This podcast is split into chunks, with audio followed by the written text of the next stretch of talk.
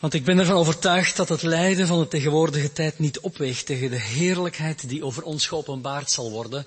Want met rijkhalsend verlangen verwacht de schepping het openbaar worden van de kinderen van God. Dat is die vaste, zekere hoop. Maar die vaste, zekere hoop, die speelt zich af in een schepping die aan zinloosheid is onderworpen. En wij zijn onderdeel van die zinloosheid, van de vruchteloosheid, van een, een door zonde besmette wereld en een door zonde besmet lichaam. En we hebben allemaal op een of andere wijze die besmetting, die zich heel specifiek van de ene persoon tot de andere op een heel andere wijze kan uiten. Ik heb de mijne en u hebt de uwe. En de broeders daarnet hebben iets van de hunne verteld. De schepping zucht in al haar delen. Maar de tekst zegt ook in Romeinen 8, en niet alleen zij, maar ook wij zelf, wij die de geest als eerste gave hebben ontvangen, zuchten bij onszelf.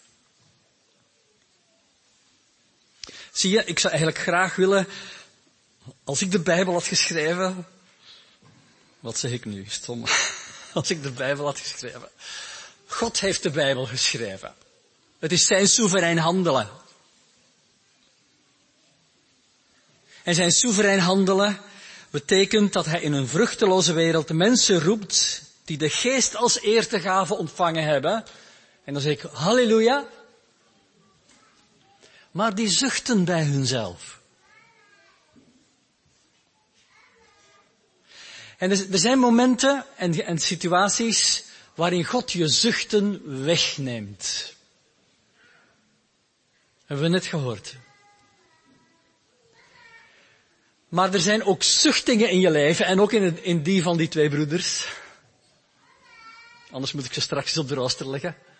Er zijn ook verzuchtingen in ons leven die blijven totdat we bevrijd zijn van het lichaam van de zonde.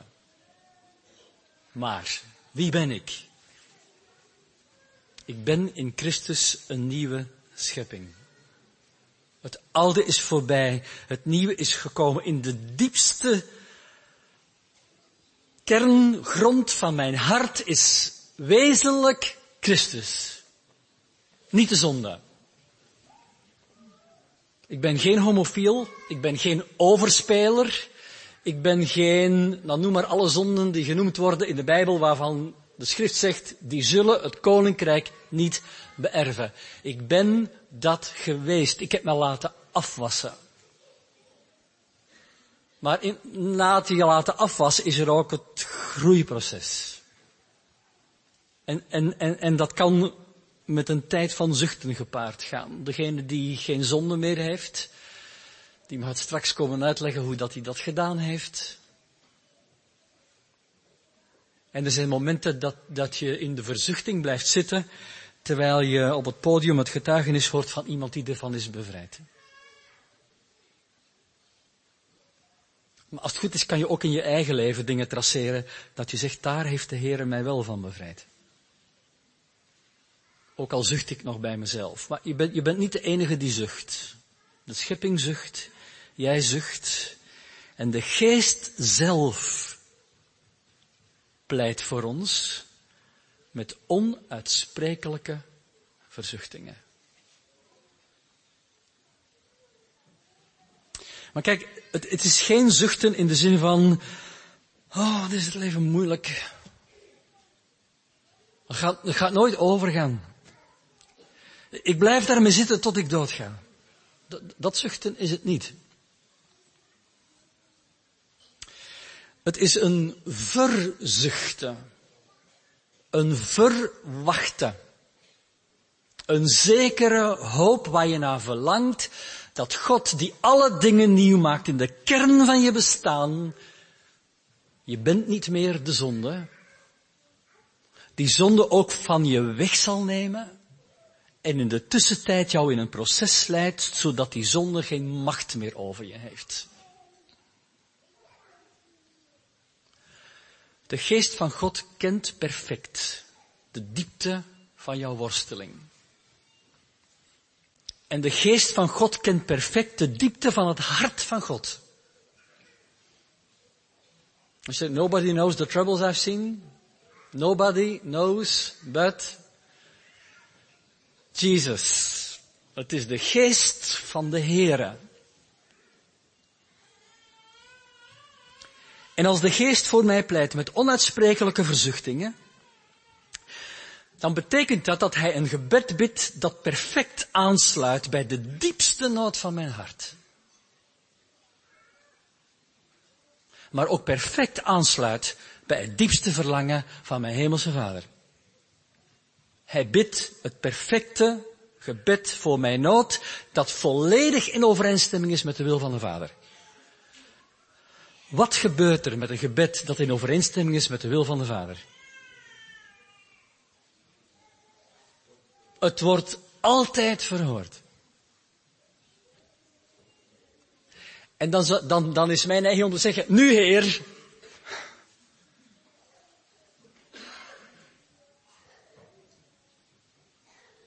Maar ik zal pas bevrijd zijn van die worsteling bij de openbaarwording van de kinderen van God. Dat is de verlossing van ons lichaam. Met andere woorden, zolang ik in dit lichaam woon, dat door de zonde is besmet, waar de begeerte in woont, en Paulus zegt het soms op een hele rare wijze, in hoofdstuk 7 zegt hij, dan ben ik het niet meer, maar de zonde die in mij woont, alsof hij afstand neemt van de begeerte van zijn vlees, en dat mag hij ook doen, want in Christus is hij niet meer die begeerte. Hij is een nieuwe schepping geworden. Maar zolang ik in dit lichaam ben, zullen er in mijn leven worstelingen zijn. En sommige daarvan heeft de Heer weggenomen. En andere, daar worstel ik al 40 jaar mee. Bijna 40 jaar. Ik heb de Heer leren kennen in 1997, denk ik. Ik kan er geen moment op plakken. Het moet rondom die tijd geweest zijn. Wat zei ik? 97, 79. Ja, ja, dat is een paar dagen daarvoor.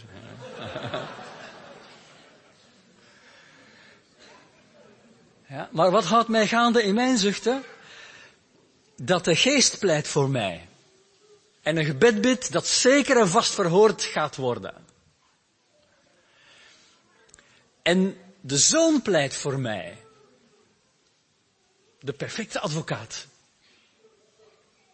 die in de rechtszaal van het koninkrijk staat met zijn gerechtigheid waarmee hij mij heeft bekleed. Er is geen veroordeling voor hen die in Christus Jezus zijn. Ik heb, ik heb een perfect gebedstrio. De geest pleit voor mij. De zoon pleit voor mij. En de vader, die dat gebed van de geest en zijn zoon initieert, verhoort. Het komt allemaal goed. En ik mag nu leren om ondanks de begeerte van mijn hart, waarvan er sommigen niet voorbij zijn gegaan, wel trouw te blijven wandelen in de waarheid. Ik ben niet de zonde, ik ben nieuw in Christus. Ik ben geen overspeler. Ik ben een reine bruidegom. Ik ben niet een leugenaar. In Christus ben ik waarachtig. En dat betekent dat ik de strijd voer tegen de leugen van mijn begeerte. Dat ik zeg, nee, dit, dat is niet wie ik ben. Ik ben in Christus een nieuwe schepping. Het oude is voorbij, het nieuwe is gekomen. En dus kan ik ook handelen op grond van mijn nieuwe identiteit. Niet uit eigen vermogen, maar omdat de geest pleit en bidt en werkt in mij en ik in Christus meer dan overwinnaar ben door hem die mij heeft liefgehad. Nou, wat is er meer dan overwinning? Ik heb net gezegd. Door hem die mij heeft liefgehad. Het is zijn liefde die in mij het overwint. Boven de overwinning. Wat heb ik eraan om zonde te overwinnen? Als ik hem niet ken.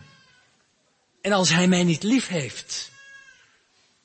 Maar het is omdat hij mij lief heeft, ondanks de strijd in mij, dat ik een hoopvolle toekomst heb. Dat ik mij vast kan houden en weet, God doet het goede voor hen die hem hebben. Heer, ik heb u lief. Petrus, heb je me waarlijk lief? Heer, ik heb u lief. En als hij de derde keer vraagt, dan begin je een beetje verdrietig te worden. En zo kan het ook bij jezelf zijn, dat je na een tijd zegt, Heer, geef het op. Niet, niet, niet doen, niet opgeven. Ook als de worsteling blijft. Je bent een nieuwe schepping. En God is bij machten om worstelingen weg te nemen. En God is bij machten om je doorheen de verzoeking die over je leven ligt, staande te laten blijven.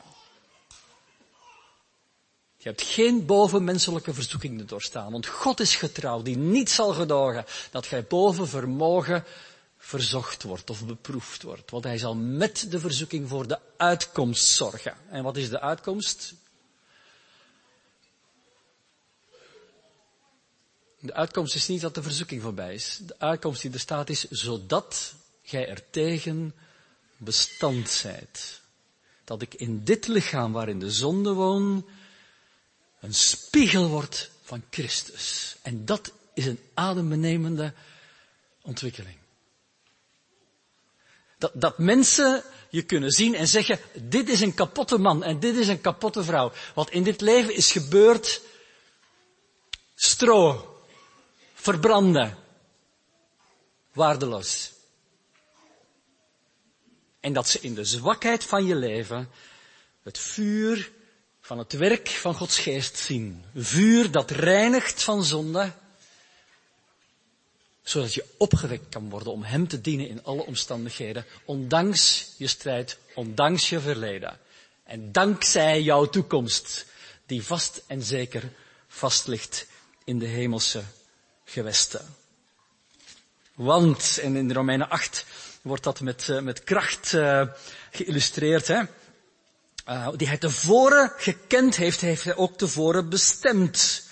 Om het beeld van zijn zoon, aan daaraan gelijk te worden, opdat hij de eerstgeborene zou zijn onder vele broeders. De, de eersteling. De, Jacobus spreekt er ook over, hè, dat we eerstelingen zullen zijn. En die hij tevoren bestemd heeft, heeft hij ook geroepen. En die hij geroepen heeft, heeft hij gerechtvaardigd. En die hij gerechtvaardigd heeft, heeft hij ook verheerlijkt. Het staat allemaal in de verleden tijd.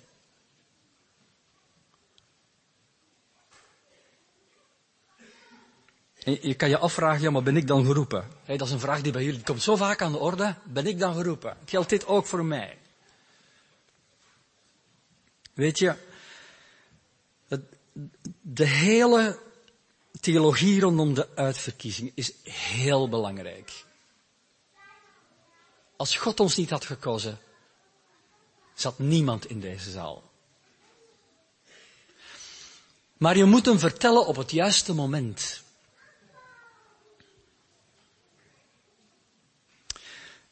De troost van de uitverkiezing geldt voor de kinderen van God, die achteraf Nadat ze de knieën hebben gebogen, nadat ze gezegd hebben, Heer, ik ben een zondaar, ik buig.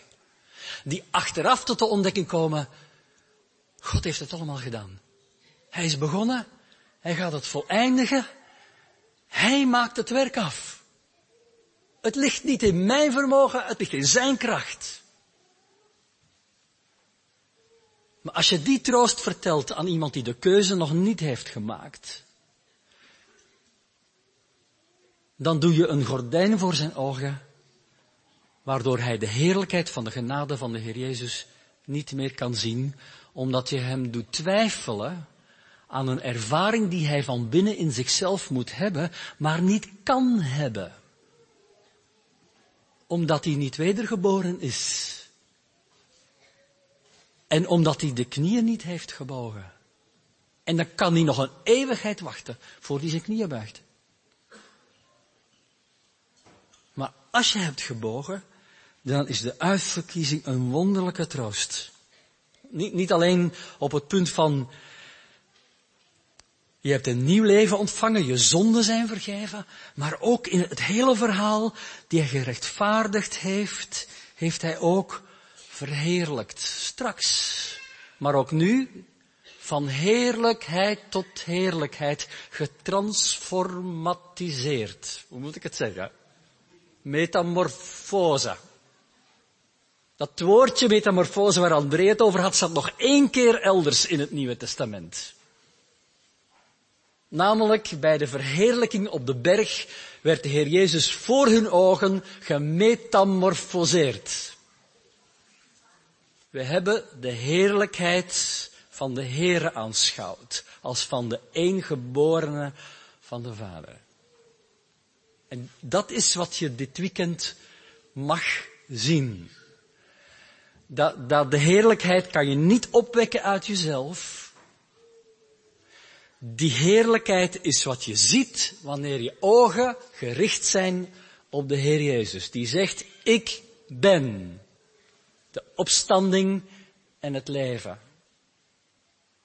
Ik ben de ware wijnstok. Ik ben het brood des levens. Ik ben. Ik ben degene door wie alles is geschapen. Ik ben de rots. Ik ben je schuilplaats. Ik, ik ben de dienstknecht die de Heer is van hemel en aarde. Ik ben de slaaf van jullie om de koning te zijn die gekomen is om jullie te dienen. Ik weersta de stoutmoedigheid van de fariseërs en de legalisten en de wetgeleerden. En ik zie om naar de verbrokenen van hart. Ik drijf de demonen uit. En de kinderen mogen op mijn schoot komen zitten. Ik ben de Almachtige die troont. En die zegt, ik ben met je alle dagen, tot aan de volleinding. In het dal van diepe duisternis, vrees geen kwaad. Voor Abraham was, ik ben.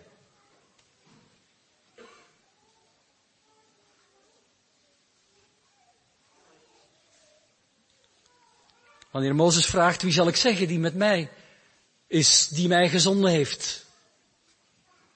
Dan zegt de Heer tegen hem, zeg maar, ik ben, heeft mij gezonden. De Heer Jezus is wonderlijk, uniek, één met de Vader. Wie Hem gezien heeft, heeft de Vader gezien. En Hij komt midden onder ons, te midden van onze worsteling. Aan hem is gegeven alle macht in de hemel en op de aarde. En ik ben met je alle dagen. Er, er is niks wat je mist. Je hebt alles ontvangen. De opstandingskracht van Hem en in Hem is in jouw hart komen wonen door Zijn woord en door Zijn geest. En het enige wat we nodig hebben zijn ogen die zien. Harten die onderscheiden. Verlichte ogen van het hart, een vernieuwd denken. Niet, niet een denken met veel theologische kennis, maar een denken dat door de Heilige Geest de gezindheid en het gemoed van de Heer Jezus onderscheidt. En Hem ziet getroond in de hemel, zodat elke knie, ook de jouwe, zich buigt in de hemel en op de aarde. Nou, als dat waar is, en het is waar. Dan is er hoop voor elke worsteling in jouw leven. En dan kan het zijn dat je zucht. Maar Hij is met je en staat je bij. En Hij zal je geen zins begeven en je geen zins verlaten. Hij zorgt voor jou.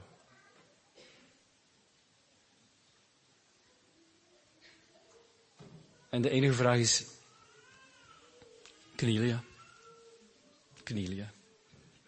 Kijk, hij is de weg en de waarheid en het leven. Ik ben de weg. De weg tot de Vader. Maar, maar niet alleen de weg in de zin van je komt tot geloof en bekering en dan mag je bij de Vader. Hij is de weg waar langs je kan leven.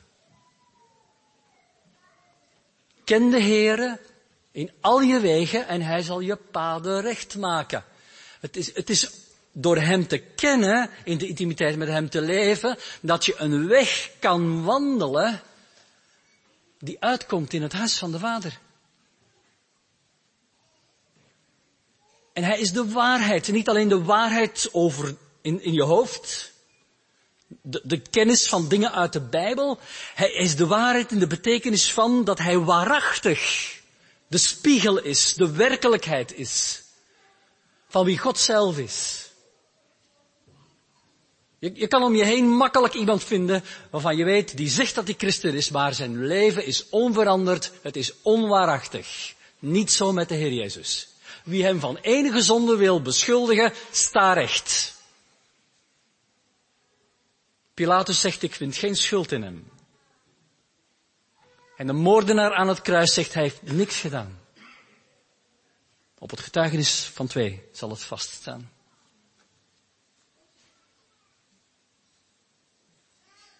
Mag hij dit en zo voor jou zijn. De waarachtige, waardoor je de waarheid niet alleen in je hoofd hebt, maar in je hart, in je zijn, in je karakter, om een waarachtig leven te leven, om in de waarheid te wandelen. Niet elkaar mee dood te kloppen. Ik ben de weg, de waarheid en het leven. Alles wat je nodig hebt om te leven. Daar verlang je alleen maar naar als je weet wat dood zijn is. En we leven in een land, hier en ook in België, waar we alles wat, wat met dood te maken heeft buitensluiten. Het gebeurt in de ziekenhuizen en het gebeurt in de bejaardentehuizen. En in de zorginstellingen. En we hebben dood gemakkelijk gemaakt. Met een pilletje of een spuitje. Ver weg van alle pijn en verdriet, want wij willen niet aanvaarden dat de schepping aan de zinloosheid is onderworpen. En dat dat vaak een pijnlijk moeilijk moment is om daar doorheen te gaan. Niet alleen moment, het is een heel moeilijk leven wat wij leiden. Het leven van een mens is zat van onrust. Staat er niet op. Maar dat Hij het leven is, betekent niet alleen dat Zijn bloed mijn leven geeft en reinigt en ik eeuwig leven ontvang. Het betekent ook dat ik dit leven in Hem werkelijk kan leven. Ik ben de weg, de waarheid en het leven is niet alleen een evangelisatietekst. Het is een, een tekst met waarheid, zodat ik nu in hem zijn leven kan leven. Broeders en zusters, dit, dit is een belofte die ons verstand ver te boven gaat. Ik weet niet wat ik vertel. Een klein beetje. Ik weet dat het zo is, want ik zie het in mijn werken. En ik zie het in anderen. Laten we elkaar daarmee bemoedigen. En dankbaar zijn wanneer God radicaal zonde uitroeit. En geduldig zijn wanneer dat proces moeizaam verloopt. Maar nooit te vergeten, in Hem is alles nieuw en in Hem is er werkelijke hoop voor de toekomst. In Hem is de weg, de waarheid en het leven. Wanneer de soldaten Hem gevangen nemen en ze vragen, bent u het die we moeten hebben? Dan zegt Hij, ik ben. En wat gebeurt er? Ze vallen allemaal achterover. Nou, dat zou eigenlijk nu moeten gebeuren met jullie. Maar ja, je zit op een stoel, kan je niet achterover vallen. Maar eigenlijk zou dat moeten gebeuren. Eigenlijk is dat ons verlangen. Dat we dat soort ontmoeting met hem hebben. Eigenlijk is dat de honger die in ons hart zou moeten zijn. En de dorst naar meer van Hem. Niet, niet om meer, niet om de ervaring, niet, niet dat, hij, dat we Hem kunnen laten opdraven en op een knopje duwen en dan is Hij er. Want Hij is soeverein almachtig. Hij komt en gaat zoals Hij wil. En het, het is adembenemend verschrikkelijk wanneer Hij komt Als je liegt over wat je in de collectezak stopt, kan je dood neervallen. Kan je aan Ananias en Safira vragen. Hoop ik. Maar, maar dat zijn ernstige dingen. En als de Heer ons die nabijheid van zijn heiligheid weerhoudt, dan is ook dat genade. Want anders vallen we niet alleen om van onze stoel, dan gaan we plat op de grond. En sommigen van ons zullen niet kunnen staan en niet eens kunnen liggen. Maar als hij geduld met ons heeft en ons net genoeg geeft wat wij dit weekend nodig hebben, en dat zijn soeverein handelen, om daarmee naar huis te gaan en te zeggen, heren, oké, wat ik heb gehoord, dat wil ik ook ter harte nemen. Zodat er meer van uw tegenwoordigheid in mij gemetamorfoseerd zal worden. Dan hoef je niet te zoeken naar extreme ervaringen. Dan ga je gewoon wandelen in het licht, met het licht wat je hebt ontvangen. Want ik ben het licht van de wereld. En als je daarin wandelt, dan maakt hij je paden recht. En er hoeft niemand om je heen te vragen, toon mij God. Zoals Filippus, Heere, toon ons de Vader. Want, want dan zullen mensen jou zien en ze zullen de Heer Jezus zien.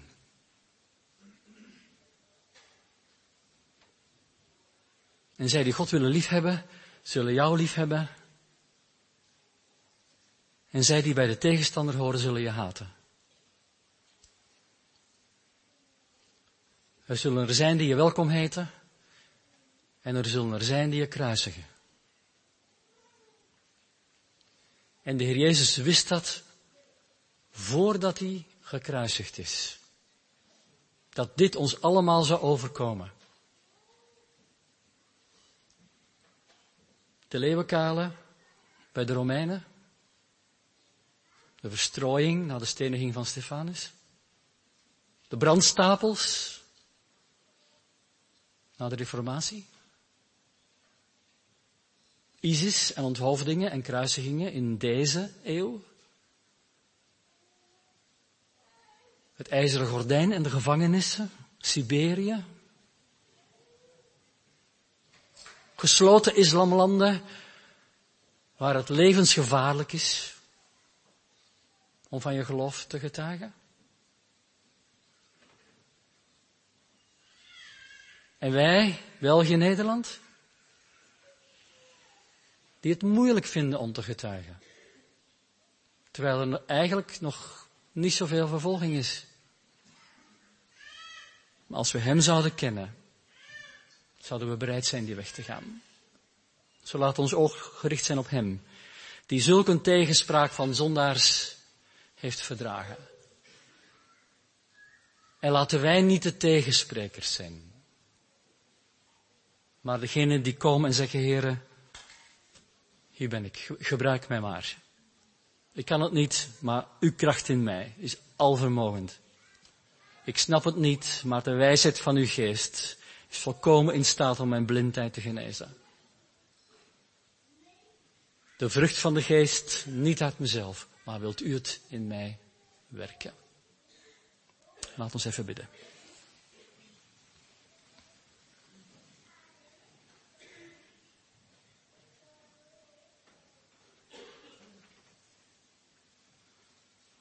Wat zullen wij dan over deze dingen zeggen? Als God voor ons is, wie zal tegen ons zijn? Hoe zal Hij die zelfs zijn eigen zoon niet gespaard heeft, maar voor ons allen overgegeven heeft, ons met Hem niet alle dingen schenken? Wie zal beschuldigingen inbrengen tegen de uitverkorenen van God? God is het die rechtvaardigt. Wie is het die verdoemt? Christus is het die gestorven is en wat meer, die ook opgewekt is, die ook aan de rechterhand van God is, die ook voor ons pleit. Wie zal ons scheiden van de liefde van Christus? Verdrukking of benauwdheid of vervolging of honger of naaktheid of gevaar of het zwaard? Zoals geschreven staat, want omwille van u worden wij de hele dag gedood. We worden beschouwd als slachtschapen. Maar in dit alles zijn wij meer dan overwinnaar door Hem die ons heeft liefgehad.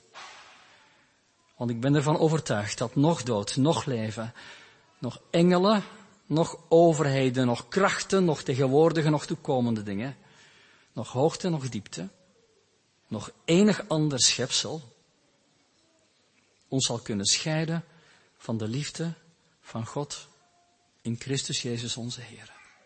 O Heer, wat een voorrecht om uw liefde zo te mogen zien in uzelf. De reine en onberispelijke, onbesmet. U bent gekomen en uw leven is over ons uitgestort, rijkelijk.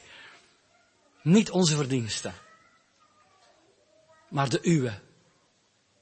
We zijn niet van u, van ons, we zijn van u. We willen het niet zelf in de hand houden. We willen door u beteugeld worden. En ik wil bidden, Heer, voor, voor allen die hier zitten, die worstelen met, met enige zonde of moeite. Dat u de verzekering wilt geven, er is geen veroordeling voor hen die in Christus Jezus zijn. En de verzekering van een nieuwe schepping in het hart, een nieuwe identiteit die onverbreekbaar is omdat u een goed werk bent begonnen. Maar ook de genade om door de geest de werkingen van het lichaam te doden.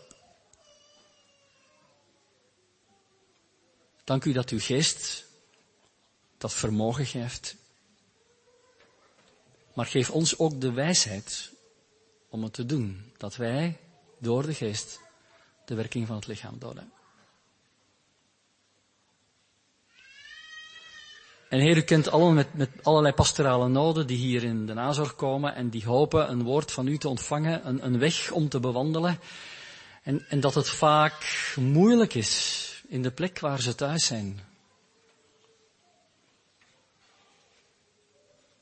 Ik wil u bidden om uw wonderlijke genade, dat u deuren opent, wegen toont, waardoor uw woord in de huizen kan komen, waardoor de praktijk van het leven met u zichtbaar kan worden voor deze mensen die vaak helemaal alleen zijn.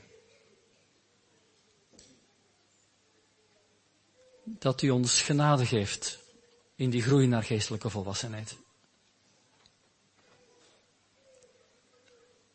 En de bereidheid dat als we uw stem hebben gehoord en u roept, waartoe dan ook, om gewoon te gaan. Want u gaat met ons alle dagen. Amen.